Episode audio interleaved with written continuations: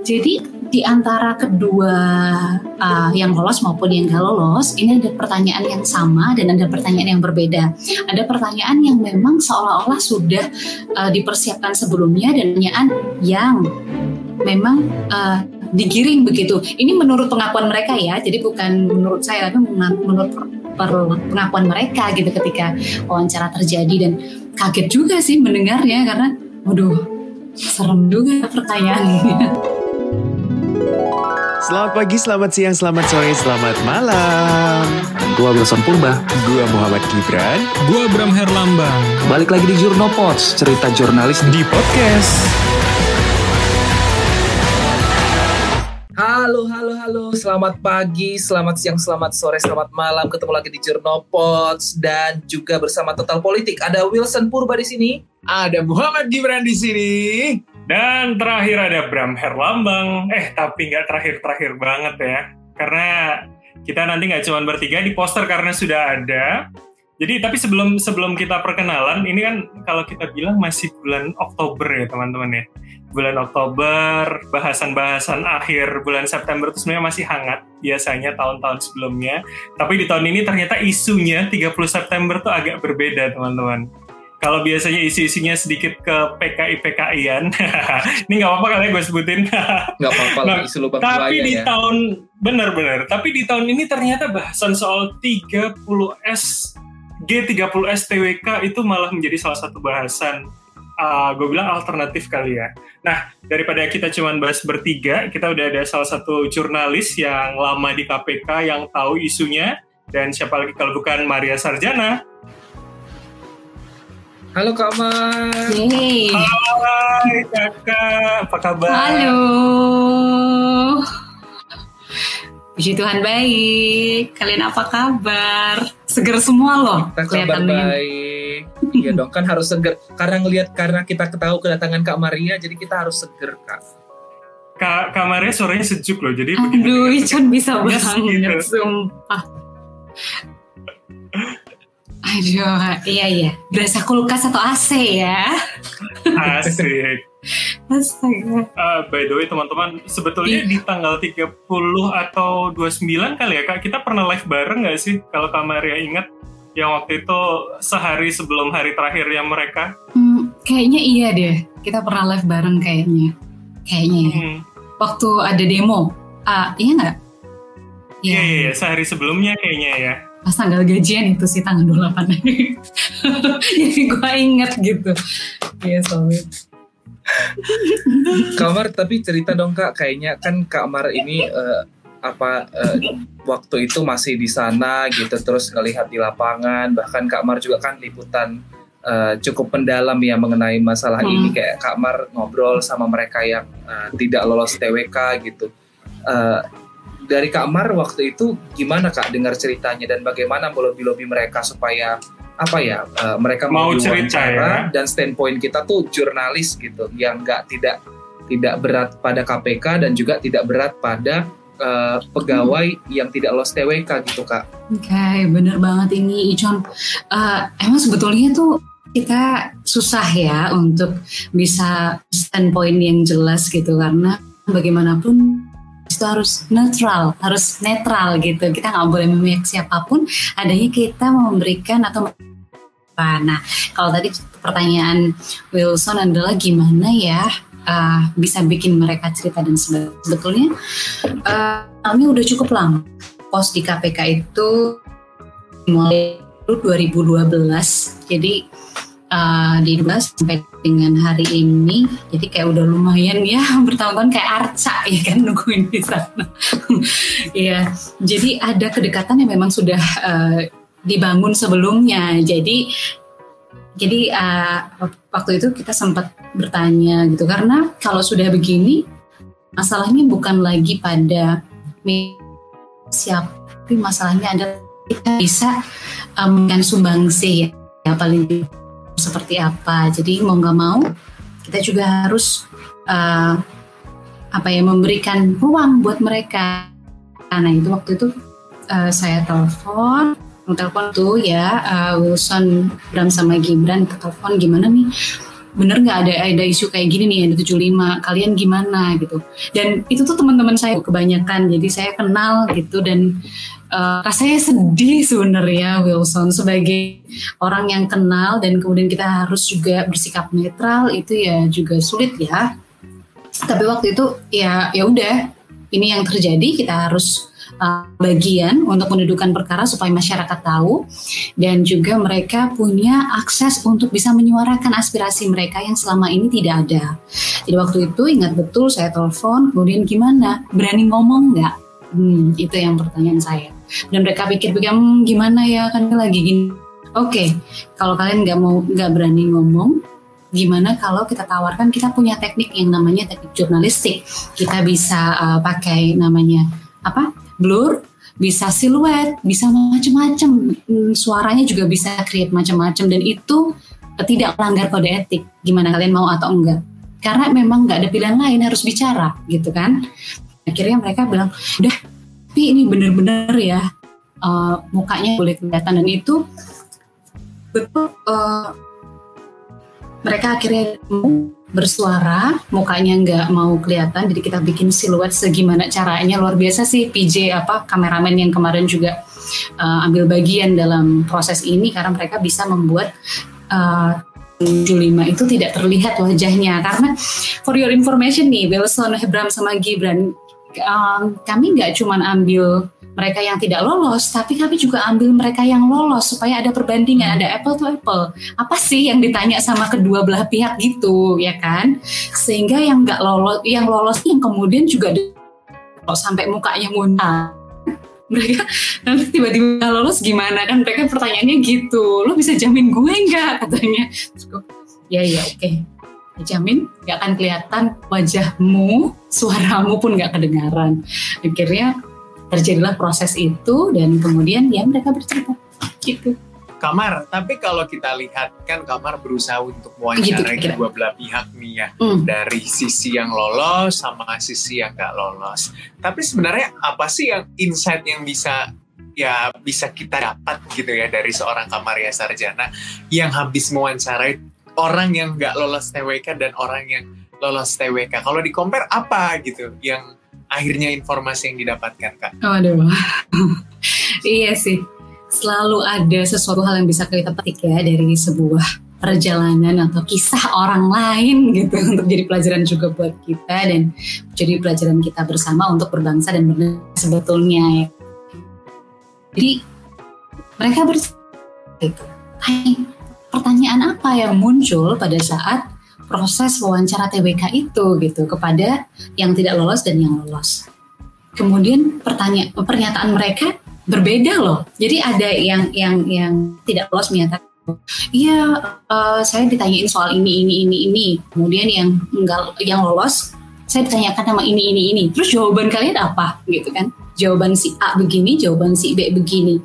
Terus yang menarik itu gini, pertanyaannya itu banyak sekali yang menyangkut ramai nih. Kayak misalkan ada teman saya yang saya dia tidak lolos dia belum menikah. Pertanyaannya lupa nih Gib ya kan? Yang mungkin Gibran sama Wilson Bram juga sudah pernah dengar pertanyaannya tapi ini real dan saya juga dengar dari pengakuan mereka sendiri gitu. Jadi ditanya kenapa belum menikah? Gitu kamu mau nggak jadi istri kedua luar biasa? pertanyaannya. Nah ada gitu. Dan mereka ada pertanyaan semacam itu. Nah itu hal-hal yang kayak kenapa harus ditanyakan seperti itu? Sedih ya gitu. Tapi mungkin uh, mungkin itu satu dua pertanyaan yang bisa dibilang menggali secara uh, emosional, menggali secara psikologis mungkin bisa juga ya, dilakukan seperti itu. Nah terus ada pertanyaan misalkan uh, kamu setuju nggak dengan FPI katanya gitu? Kamu setuju nggak dengan HTI? Kamu setuju nggak dengan uh, radikal gitu? Kamu setuju nggak? Kamu ikut nggak 411 dan sebagainya? Dan yang menjawab bahwa oke okay, saya uh, begini, saya begitu, saya begini. Jadi di antara kedua uh, yang lolos maupun yang gak lolos, ini ada pertanyaan yang sama dan ada pertanyaan yang berbeda.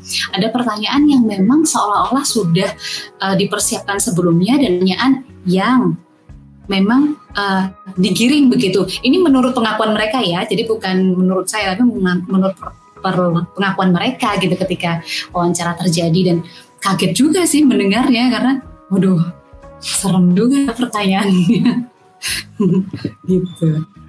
Kamar, tapi kalau untuk mereka yang tidak lolos, itu pertanyaan yang janggal tadi itu memang lebih banyak porsinya atau memang ini rata sebetulnya kepada semua yang lolos maupun gak lolos kamar? Kalau dari informasinya. Oke. Okay. Oke, okay. kalau yang uh, didapatkan dari pengakuan mereka itu ada pertanyaan-pertanyaan mendasar yang tadi sudah uh, ceritain ya. Ada mereka mengaku bahwa ada penggiringan-penggiringan pertanyaan itu. Ada yang memang pertanyaan secara umum dan global yang ditanyakan pada semua, tapi yang nggak lolos ini ada pertanyaan-pertanyaan khususnya, terutama setuju nggak dengan revisi Undang-Undang KPK, setuju nggak nomor 19 tahun 2019, uh, terus kemudian bagaimana menurut kamu kepemimpinan yang baru? Itu juga ada di mereka yang kebetulan tidak lolos. Dan ya ini uh, mereka nggak tahu ya ini adalah suatu hal yang tidak sengaja ataupun memang sudah disengaja sebelumnya tetapi itu yang diakui oleh 75 pegawai pada saat itu. Terjadi uh, Wilson, Gibran dan Bram berserang berapa hari? Tiga hari dari pengumuman. Jadi memang sebetulnya ini fresh from the oven gitu ya wawancaranya. Jadi agak-agak takut dan tapi mereka masih ingat betul dan itu seperti apa. Jadi ya yang didapat kaget juga juga uh, jadi ngerti oh ternyata ada ya seperti ini dan terus uh, yang lucunya lagi uh, hmm? jadi mereka tuh sampai ke keluarga-keluarga mereka itu ditanya ya betul sih untuk menggali secara psikologis kemudian background juga. Tapi ada yang sampai oh ayah kamu itu uh, aliran politik apa, aliran Islamnya apa, Islamnya kenapa begini, Islamnya kenapa begitu? Gitu. Padahal kan uh, kalau soal ya kepercayaan itu kan kepercayaan yang apa ya intinya kan kita dijamin undang-undang dan juga dijamin uh, undang-undang dasar ya bahwa kebebasan iya kebebasan beragama ranah privat dong. Tapi ya mungkin itu untuk menggali lebih dalam lagi Kak Mar, okay. tapi waktu Kak Mar liputan atau nelfon-nelfon teman-teman Kak Mar yang jadi penyidik atau penyelidik di KPK itu kayak mereka saat itu ekspresinya gimana? Ada yang mungkin sampai nangis gitu nggak? Karena kayak ya bingung, ini sebenarnya gimana sih? Kok bisa dibilang gagal sih? Padahal kan sebenarnya kayak kerjanya sudah bagus, bahkan kerjanya sudah rata-rata lima tahun ke atas atau bahkan ada yang sudah eh, belasan tahun gitu. Kayak emang emang kasarnya kayak emang gue nggak selayak eh, seenggak layak itu ya untuk kerja di KPK kayak gitu atau jangan-jangan mereka udah sadar kamar ada kejanggalan dan ada bau-bau penyingkiran.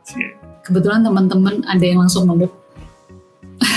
Ada yang langsung meluk sambil nangis. Waktu itu ketemu di kantin telepon mbak di mana? Di kantin oke okay, ketemu di kantin di belakang. Uh, datang ke sana udah udah deg-degan nih. Aduh mereka gimana ya situasi psikologisnya? Takutnya salah ngomong. Uh, Maria salah ngomong salah gimana gitu suka mereka. Tiba-tiba pas lihat langsung mbak meluk dan nangis. Dan itu terulang lagi waktu ke terakhir di tanggal 30 dan kita lagi mau menemenin mereka long march ke satu ke gedung lama. Itu ada yang tiba-tiba lari ke arah Maria meluk. Meluk lama banget dan udah ini jadi jadinya gitu. Sabar ya mbak sabar sambil nangis. Aku nggak tahu lagi harus gimana. Dah situasi psikologi kayak gitu itu yang sebagai jurnalis kita juga apa ya uh, sedih juga tapi kita juga harus ingat bahwa kita bukan aktivis satu ya uh, kita adalah jurnalis yang harus berposisi netral, senetral-netralnya. Walaupun memang uh, dalam semua produk jurnalistik nih, kalau menurut Maria nggak pernah ada yang objektif, selalu ada subjektif. Tapi yang mau kita bawa subjektif ya kan, Wilson kayak gini nih. Iya, iya. Nah, iya. Netral nih ya.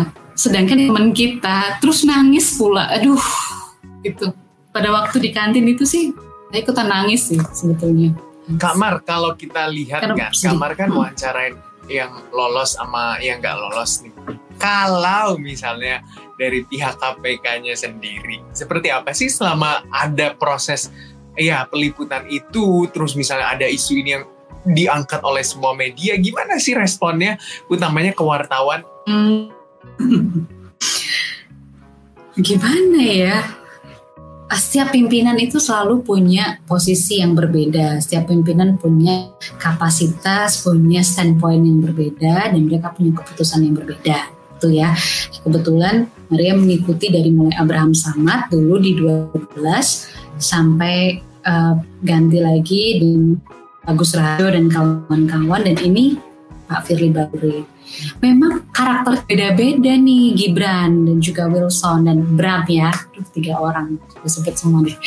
Kan karakter mereka tuh beda-beda gitu.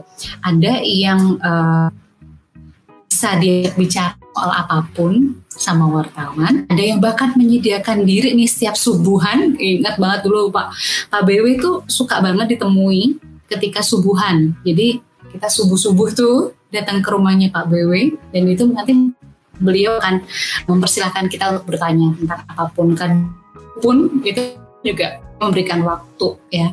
Pak Agus juga gitu. Ahok juga seperti itu. Terus uh, beberapa pimpinan yang lain, tapi pimpinan yang ini memang punya karakter yang berbeda uh, karena proses pemilihannya ya uh, Wilson, Gibran dan Bram juga tahu proses pemilihannya pimpinan yang sekarang ini kan penuh kontroversial gitu dari mulai awal terus di DPR-nya, terus habis itu sampai sudah terpilih pun kontroversial gitu. Jadi ya kalau ditanya kemarin waktu ada kasus seperti ini gimana? Eh, kita coba melalui jubir dan kemudian ada beberapa hal yang dijawab tapi ada yang tidak dijawab. Kalau kepemimpinan kepimpinan juga ada yang dijawab, ada yang tidak dijawab. Tapi uh, untuk kemudian berkata secara terbuka atau gampang ditemui itu memang uh, berbeda ya. Susah ditemuin, sedih saya. sedih sebenarnya saya, tapi ada jawaban juga tetap itu dari pimpinan maupun dari jubir walaupun tidak seperti yang kita harapkan bahwa mereka memberikan ruang yang lebih lebar untuk bisa uh, para jurnalis ini berdiskusi atau mengerti duduk persoalannya. Karena bagaimanapun juga walaupun dari 75 sudah ber, uh, cerita tentang kita tapi kita harus dengar dari KPK penuh gitu. Jadi nggak cuma waktu konvers aja nih gitu. Supaya kita kan tahu insight-insight yang berkembang. Apa sih yang jadi pemikiran mereka kenapa harus seperti ini dan kenapa harus gitu. Iya kan? Nah, terus abis itu uh, berarti uh, setelah itu kayak kan mereka akhirnya tanggal 30 tuh tadi terakhir uh, selesai gitu. Terus uh, Kak Maria udah dengar belum cerita-cerita dari mereka kayak setelah hmm. ini apa akan yang akan mereka lakukan? Apakah mereka akan mengiyakan tawaran dari uh, Kapolri untuk bekerja di Bareskrim gitu kan sebelumnya yang BUMN tuh udah ditolak tuh gitu. Yang ini gimana? Apakah masih nunggu uh, bergeningnya dulu? Kira-kira mau jadi apa nih? Pangkatnya apa nih di sana kayak gitu kan? Uh, Wilson kalau soal ini secara kolektif sih uh, kemarin terakhir baru dua hari yang lalu teleponan sama salah satu temen yang ada di 57 beliau sudah 15 tahun bekerja sebagai penyidik KPK dan menyidik hal-hal yang penting juga. Kemudian tanya gimana sih bang? Oh, abang mau nggak uh, tawaran yang diberikan oleh uh, pemerintah? Gitu. Terus uh, secara kolektif mereka uh, kami masih berpikir, ya, belum ada tawaran secara resmi nih, Will. Gibran dan Bram ini sebetulnya belum ada tawaran secara resminya nih. Ini kan baru Kapolri menyampaikan akan uh, menyampaikan bahwa Kapolri sudah memberikan surat kepada Presiden tanggal 24 September, kemudian dijawab Presiden tanggal 27 uh, eh, untuk ke bagi teman-teman 57 kemudian ingin bergabung atau berkenan bergabung bersama Polri. Nah, tapi untuk tawaran secara resmi kita buka nih, oke siapa yang mau apa seperti seperti ini kan memang belum ada. Jadi uh, secara kolektif teman-teman 57 menyatakan bahwa mereka masih wait and see apa sebetulnya nanti yang akan uh, dilakukan oleh Polri, kemudian mekanismenya seperti apa dan kemudian mereka ditempatkan di sisi sebelah mana gitu. Mengingat mereka ini kan mantan penyidik uh, sebagian besar ya penyelidik juga. Kemudian mereka uh, mereka bukan Polri. Sedangkan aturannya penyidik dan penyelidik Polri adalah harus Polri gitu harus uh, apa namanya polisi bukan ASN kemudian menjadi sebuah pertanyaan. Tetap mm -mm, tapi yang pasti gini mereka juga bertanya bahwa kan kemarin sudah dijelaskan tuh bahwa tidak lolos TWK artinya uh, ini ya dikasih uh, tinta merah gitu kata pimpinan KPK waktu itu ada nih konferensi ya dari Marwan menyatakan bahwa tidak bisa dibina artinya mereka tidak bisa diangkat sebagai aparatur sipil negara karena dianggap tidak bisa dibina dalam tanda kutip. Nah, kemudian uh, teman-teman lima itu cuma pertanyakan kalau bisa dibina untuk di KPK aja nggak bisa dibina nih. Gue dianggap tidak layak untuk masuk ke sana lagi ya kan, jadi ASN di KPK. Kok sekarang ditawarkan untuk menjadi ASN di Polri, padahal Polri itu adalah garda terdepan ketahanan ketahanan nasional gitu kan untuk uh, ya harus orang yang betul-betul KI lolos TWK dan begitu kan seharusnya kalau mengingat dari pernyataan pimpinan yang kemarin ketika memutuskan mereka tidak bisa diangkat jadi ASN di KPK itu pertanyaan dari teman 57 kemarin yang dilontarkan ke lemari ketika masih bang? Gimana?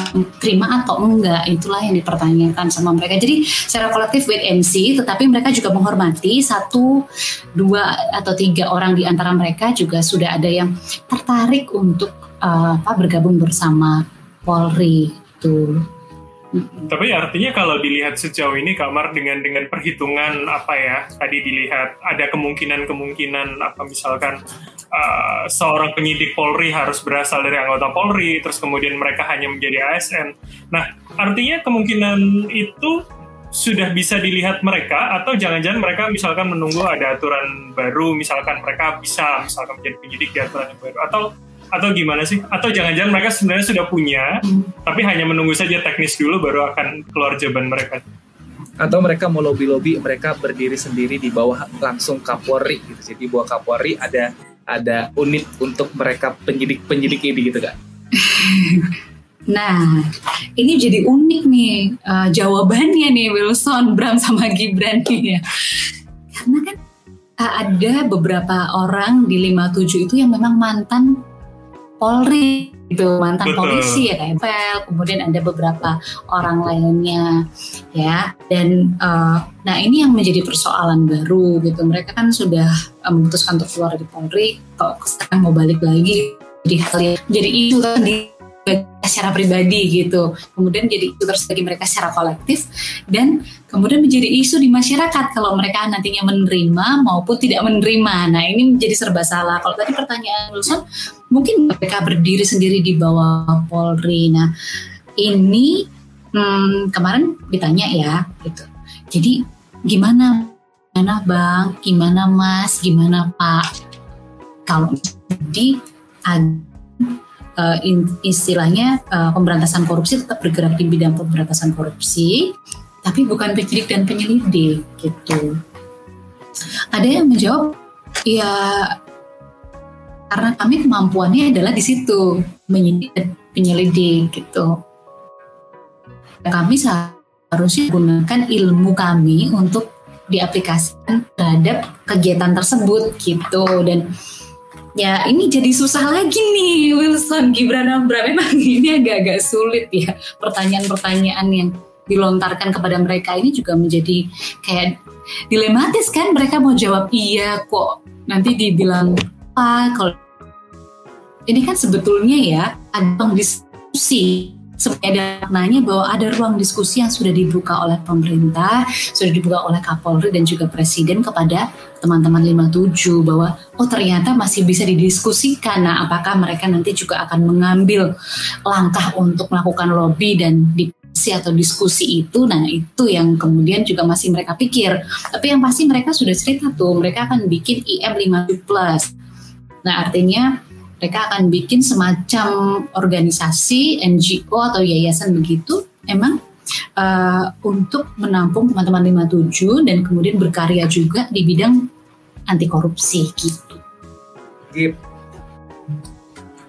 jujur kelihatan nih siapa yang nggak bertanya kayak gue banyak diam isunya nggak bagus kelihatan banget anak ekonomi dibanding anak dan hukum sama politik nggak gitu dong teman-teman yang cara mainnya nggak gitu dong kelihatan begonya kayak saya itu nggak kuasain dong. hukum nah Enggak, enggak, enggak.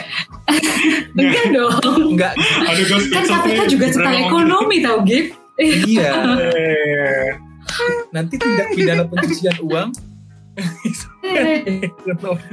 Kamar, tapi sejauh ini informasinya memang belum ada sama sekali ya. Apa follow up dari dari apa informasi yang disampaikan Kapolri soal tawaran itu ya? Kalau sampai hari ini sih rasa-rasanya kok belum ada kami dengar itu follow up-nya.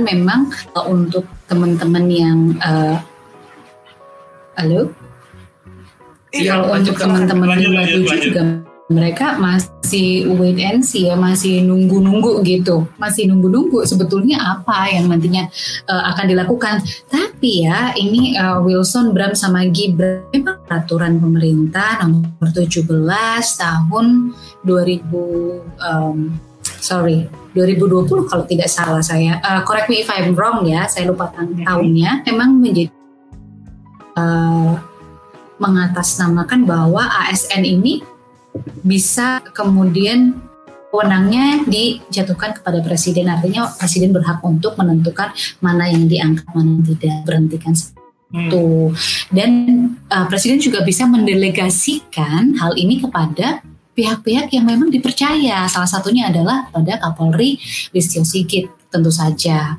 Dan ya tadi sekali lagi sih uh, kalau menurut saya sih kalau Gibran Wilson sama Bram nanya gimana sih kak menurut Maria gimana? Menurut saya ya ada ruang diskusi yang sudah dibuka dari pemerintah gitu. Ya seharusnya digunakan lebih dengan baik untuk menjadi ajang berdiskusi selanjutnya. Jadi karena kan uh, uh, baik di lima Pak Kapolri maupun Presiden itu tujuan kepentingan rakyat Indonesia untuk bangsa daerah ya kan? Jadi memang seharusnya ada duduk bersama menemukan solusi bersama gitu. Jadi Tapi jadi pemberantasan korupsi itu berjalan. kalau ya. ini hari-hari ini sepi banget Gibran. Belum ada forum itu. Forum untuk duduk bersama itu memang uh, nampaknya sampai dengan tadi nih belum ada kabar untuk itu. Teman-teman uh, lima tuh sekarang sibuk karena mereka menyiapkan itu uh, IM 5 plus institut yang sedang mereka apa namanya rencanakan untuk dibangun. Kak, mereka melihat skeptis nggak sih kak soal tawaran ini kak? Melihat uh, setelah seminggu ternyata belum ada ruang, belum ada tindak lanjut follow up kayak gitu. Uh, kalau skeptis sih mungkin bukan ke skeptis ya, tapi lebih ke mempertanyakan uh, tadi kayak apa sih mekanismenya, kemudian kenapa bisa seperti ini, kenapa bisa seperti itu, kenapa harus ada tawaran seperti itu, sedangkan tadinya mereka sudah dianggap tidak bisa gitu diangkat sebagai ASN gitu. Nah ini yang menjadi sesuatu hal yang apa ya ruwet gitu benangnya kan untuk diurai. Gitu. Nah kalau simpelnya kan mungkin orang awam akan berpikir memang sekarang bisa jadi ASN kenapa nggak dibalikin aja ke institusi awalnya terus ke KPK aja kan sama jadi ASN kenapa nggak mereka dikembalikan jadi ASN di KPK aja? Atau mereka tinggal kembali diangkat jadi ASN kemudian mengerjakan tugas yang memang sudah mereka kerjakan sebelumnya. Melakukan penyidikan penyelidikan dan uh, juga di bidang biro hukum melakukan advokasi dan sebagainya yang sudah jelas gitu aturannya gitu. Juga yang kemudian ya kan teman-teman kenapa nggak kita dibalikin aja ke gedung KPK gitu? Kenapa harus ke institusi yang lain uh, mungkin aku nggak kebayang sih kalau misalnya di posisi Kak Mar yang kayak udah uh, hampir uh, udah sudah 10 ta hampir 10 tahun temenan sama mereka terus sekarang melihat kondisinya kayak gini mungkin kalau aku kayaknya akan susah untuk untuk uh, jurnalis Memisahkan. tadi. Kayaknya akan melenceng kayaknya akan memasukkan agenda sendiri kayak nah ini, ini kan teman-teman gue nih nasibnya kasihan nih kayak oke gue harus uh, desak nih si KPK oke aku gue harus desak di pemerintah nih. Sampai sekarang nggak ngasih statement padahal katanya udah dikasih ke pemerintah gitu. Kalau gue sih kayaknya kayak gitu sih kayaknya makanya gue kayak karena gue belum nggak per, pernah ngepost ya guys ya. Jadi gue nggak punya punya post. Jadi kayak gue nggak punya keterikatan terhadap teman-teman yang ada di uh, institusi atau lembaga. Jadi gue mikir mm-hmm. oh ya bener juga sih. Kayaknya gue bener korek gue waktu itu tidak membuat gue ngepost gitu. Tapi kamarnya yang aku mau tanya nih ya, kan ngepost itu udah lama banget ya di KPK ada pernah rasa bosan gak sih atau jenuh ngepost gitu? Pengen pindah dash misalnya ke olahraga atau ke ekonomi bisnis atau ke mana gitu? Ini mau jawaban jujur atau mau jawaban yang pura-pura aja? Jujur. Kalian jujur. Jujur kalau kalau udah ngomong gini biasanya jawabannya di luar aduh jadi geli sendiri gue. Sebenarnya karena pas tuh disuruh ngepost di mencoba memberontak. Kenapa kan? Karena uh, mindsetnya gini gini. Dulu mindsetnya tuh ketika di zaman itu gitu ketika ah Maria tadi sebelumnya Maria itu ngepostnya di DPR gitu. Sampai uh, waktu itu ingat betul karena ini peristiwa yang cukup gede jadi uh, Maria ingat gitu. Waktu itu ada uh, kis kan harga BBM di zaman eranya uh, Presiden Susilo ya. Waktu itu kisru BBM di 12 yang sampai uh, eh, DPR rubuh dan teman-teman kena cairan-cairan gitu yang bikin melepuh-melepuh. Yang kita dari pagi sampai pagi lagi di, di DPR dengerin Faldo Maldini. Mungkin ada yang pernah denger namanya ya. Faldo Maldini waktu itu masih ketua BEM UI tuh uh, dia ikut masuk ke ruang paripurna dan bikin geger itu waktu itu uh, Maria ngepostnya di Iya, kalau masih ada yang ya masih ingat nama itu Valdo Maldini. Nah, nah itu dia masih jadi uh, apa namanya? Masih jadi ketua BEM waktu itu. Dia masuk ke ruang paripurna waktu itu. Iya, terus diseret Pamdal kan? Nah, waktu itu subuh subuh gue inget banget. Jadi waktu abis itu kan reses. Terus uh, kantor menawarkan bahwa Mar udah kan DPR udah reses nih. Ayo kamu pindah pos. Hah, pindah pos di DPR aja? Gue merasa kayak aduh aku nggak suka. Maaf. Sejujurnya uh, tuh ya enggak enggak gitu. Jadi kalau suruh di DPR juga agak, aduh kan sama politisi ya ngomongnya itu muter gitu. Mau ke lapangan bola, eh mampir dulu ke mana-mana gitu kan. Capek. Terus, aduh mas kayaknya enggak deh kalau ke KPK. Kenapa? Satu, belum ada yang pernah ngepost di KPK waktu itu di kantor Maria yang diberikan kan. Belum ada yang pernah ngepost di KPK. Terus gimana? Gue, hmm, nasib gue gitu terus waktu itu KPK lagi seremnya. Ya. Habis ada kasus cicak buaya lah ada kasus itu ada demokrat ada uh pokoknya lagi serem-seremnya lah. Karena juga menurut Maria juga menurut ya, gini lebih penting masyarakat itu bagi masyarakat itu iya lagi waktu itu Maria mikirnya gini karena menurut Maria masyarakat itu pentingnya untuk tahu harga cabai itu berapa harga kecap itu berapa mereka makan, gimana caranya mereka mendapat penghidupan dan apa yang terjadi. Bukan bukan pergulatan politik gitu loh. Mereka nggak mau peduli gitu. Menurut saya gitu. Jadi aku mau ke sosmas aja mas. Gitu. Dulu rebel. Awalnya itu udah rebel duluan. Maunya sosmas. Paksa di KPK ya. Terus dicembuin di KPK uh, uh, habis itu nggak pernah dihapus dari jam 8 pagi sampai jam 9 malam ya dia kalau ditanya bosen atau enggak, iya. Iya bosen.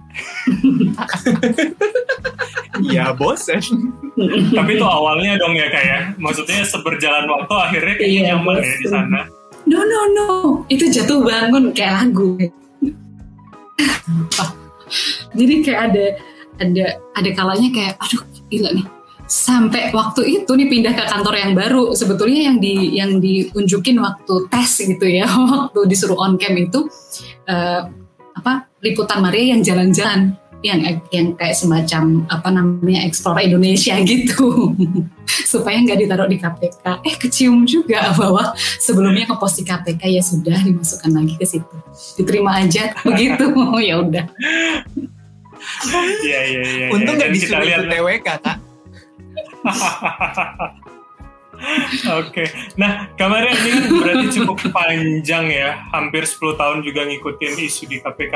Nah ketika kemarin 2019 pemilihan apa pimpinan KPK yang sekarang, terus kemudian uh, kontroversi RUU sampai menjadi undang-undang KPK yang sekarang, gimana sih kondisinya saat itu, apalagi di 2019 itu kan demo besar ya, walaupun memang epicentrumnya nggak di KPK apa pergolakan isu yang ada di teman-teman wartawan KPK pada saat itu seperti apa, Kak Maria? Oke, okay, untuk 2019 ya Bram ya. Hmm. Uh, iya sih pergolakannya cukup cukup kencang ya karena uh, ya itu teman-teman jurnalis sendiri itu juga terbelah gitu. Pro ada yang tidak pro dan kemudian juga ada ya ya kita harus mengakui bahwa walaupun kita nongkrong bareng atau mau bareng belum tentu kita sama dalam memandang hal kan gitu jadi ya itu juga jadi ada yang kubu-kubuan gitu sebenarnya kalau boleh dibilang ya. Nah ya suasananya sih agak agak serem-serem tapi juga kita sedih juga gitu. Karena kita nggak tahu uh, apa yang akan terjadi. Pada kan kalau Maria bukan Maria kemudian KPK kemudian memandang KPK itu sebagai sesuatu hal yang selalu bersih tidak juga. Karena itulah yang harus kita batasi bahwa uh, ketika kita post ketika kita mencintai atau mencintai seseorang kita juga harus bisa mengkritisi dia. Kalau kita cinta kita harus bisa kritik. Kalau salah harus kita sentil juga gitu. Jadi nggak semuanya kita benarkan. Nggak oh nih gue deket sama dia nggak gitu juga ceritanya. Dan lagi pula kita harus ingat bahwa kita adalah uh, netral gitu ya. Uh, bisa ke mana-mana harus mendengarkan semua sisi. Jadi waktu itu ya udah uh, kondisinya sedih, mencekam, tapi juga tetap harus berada di garis luar gitu. Tidak boleh masuk. Karena inilah yang paling sulit ketika menjadi seseorang yang ngepost adalah membedakan nah kepentingan. Eh, namanya pribadi mana kepentingan kita mana kepentingan memang harus kita sampaikan kepada masyarakat. Dan juga uh, ini sulitnya adalah membatasi diri kita bahwa kita ini bukan aktivis. Nih ya karena teman-teman tuh selalu uh, apa ya kalau saya pikir banyak yang kemudian uh, hanya itu antara aktivis dan jurnalis itu sama. Padahal tidak. Ketika ketika kita menjadi jurnalis kita adalah netral. Itu yang harus uh, disepakati bersama ya. Uh, basically kita netral kita harus mendudukan perkara dan subjektivitas karena yang namanya manusia dibekali melihat sebetulnya mana yang benar, mana yang tidak, mana yang salah, mana yang benar, itu sebetulnya kita punya sense untuk mencium itu gitu. Jadi ya gunakanlah sense itu untuk mendudukan perkara tanpa kita harus terjebak dalam fenomena yang mereka, mereka lakukan gitu atau polemik yang ada di tengah-tengah mereka. Nggak boleh kita itu karena kita adalah jurnalis kita bisa punya sense yang lebih baik untuk mengerti yang mana yang salah, yang mana yang benar, mana yang harus kita uh, dudukan perkaranya. Nah, jadi pada waktu itu jelas apa sih sebetulnya revisi undang-undang tujuannya apa kan harus kita gali itu. Ini apa? Ya kan? Apakah benar semuanya baik? Ya belum tentu semuanya dalam pasal di Undang-Undang 2019 itu selek belum tentu loh Uh, jadi ada pasal-pasal yang memang baik karena sebuah lembaga memang harus ada yang kontrol. Kalau tidak ada yang kontrol mau seperti apa? Itu juga uh, penting untuk dimengerti. Tapi yang kontrol ini harus yang seperti apa? Itu juga harus dimengerti bahwa dong sebuah lembaga kemudian tidak dikontrol. Maksudnya dikontrol ini bukan di, di apa ya diatur sedemikian rupa supaya uh, ada penanggung jawabnya juga. Tapi penanggung jawab ini yang seperti apa? Harus dipilih yang orang-orang benar gitu. Orang yang benar-benar punya hati kepada rakyat orang-orang yang punya hati untuk memilih gitu. Nah itu hal yang yang juga jadi pertentangan batin waktu itu. Buat saya sendiri ini ini gimana ya ini? Orang-orangnya dipilih jadi dewas nih siapa ya gitu? Kan jadinya kita tracing kan? Kita tracking orangnya ini. Uh, dia pernah ngapain aja kan gitu terus tuh sama beberapa eh ini track recordnya gimana? Track recordnya kayak gini gini gini gini gini gini. Masa sih coba kita cross check nah itu terjadi. Sama ketika ada proses pemilihan pimpinan KPK kita juga melakukan itu satu persatu nih. Maksudnya 40 besar nih. 40 besar. Wah satu besar kita bagi-bagi. Lo lo uh, tracing yang ini gue tracing yang ini gue tracing yang ini. Terus kumpulkan itu. Yang ini wah yang ini parah sih wah yang ini keren sih ini okay. yang ini hmm, ini siapa ya gue nggak kenal kita juga ada kayak gitu jadi kalau hasil yang sekarang lima yang sekarang menurut teman-teman KPK itu sudah yang memuaskan atau enggak sih kalau boleh tahu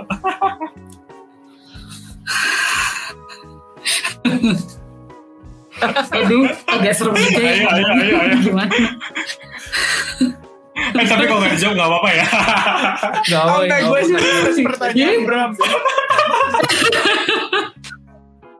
Kamar masih ngepost di situ. Bram, kamu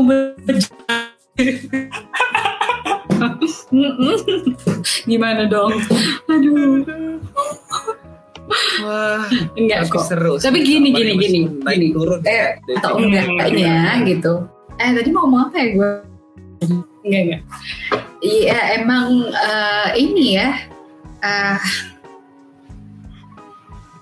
gitu deh. Kicen dulu deh. Ada sisi positif, ada sisi negatifnya. Jadi aku jadi yeah, penengah yeah. nih, aku jadi penengah. Manusia itu ada sisi baik buruknya, positif negatifnya. Jadi ya udah manusia. Udah. Ya, ya, ya, Begitu juga dengan jurnalis yang juga hmm, manusia. Hmm. Gitu. Oh iya, iya gini gini. Oke oke oke kita dengarkan. Iya iya tapi gini nih kalau kalau menurut Maria ya, bernegara itu ada aturannya. Gitu. Bernegara kita ada aturannya. Kan ada pemerintah dan negara ada bangsa. Bernegara kita ada aturannya. Nah, ketika uh, dalam proses dalam proses ya pemilihan kita bisa berjuang mati-matian untuk misalkan gua nggak mau ini jadi gitu boleh tapi ketika uh, si A si B kemudian ditetapkan oleh negara ini untuk jabatan tertentu si orang yang uh, apa nam namanya sebagai warga negara, kemudian sebagai orang yang cinta akan negara, sebagai negarawan kita harus tahu bahwa itulah batasannya sudah selesai di situ. Tidak boleh lagi kita karena itu sudah ditentukan, sudah jadi, sudah diangkat secara resmi oleh negara dia menduduki jabatan itu. Yang ada bukan lagi kita senggol-senggol dia supaya nggak jadi nggak bisa. Ya caranya tidak begitu tapi harus dikawal sedemikian rupa supaya ruh yang ada tetap on the track. Nah itu yang benar gitu. Jadi gitu gitu nih Wilson Gibran dan Bra. Itu cara bernegara yang benar. Kalau mereka sudah dilantik harus dihormati. Itu menjadi pimpinan. Dan ketika jadi pimpinan tentu kita juga boleh dan berhak untuk mengkritik ketika dia salah lost the track kan gitu kan? Hmm. diplomatis gak gue? Uh, iya dong mau bilang itu. Emang ja wartawan jaw uh, jawaban wartawan uh, Paul Hukam atau Desh Hukum itu suka mengesankan. Keren banget cowok sama iya, dia Aduh, semoga padahal kita dari tadi sudah berpikir ngorek-ngoreknya ya Kamaria thank you banget udah mau ngobrol-ngobrol di Jurnopods bareng Total. Politik senang banget akhirnya bisa mendengar cerita Kak Maria secara langsung yang sudah uh, hampir 10 tahun di KPK bukan sebagai penyidik tapi sebagai wartawan. Keren. Thank you Kamar, jangan bosan buat nanti kalau ada apa-apa lagi di KPK kita undang buat ngobrol-ngobrol dari perspektif seorang wartawan yang memang nggak boleh ya memihak kanan dan kiri harus tetap di tengah dan idealisme wartawan tetap harus dijaga. Hmm, bener banget. Siapa tahu kamarnya suatu saat jadi pimpinan KPK, jangan lupa undang-undang saya di acara hajatannya ya. Punya sense, punya sense.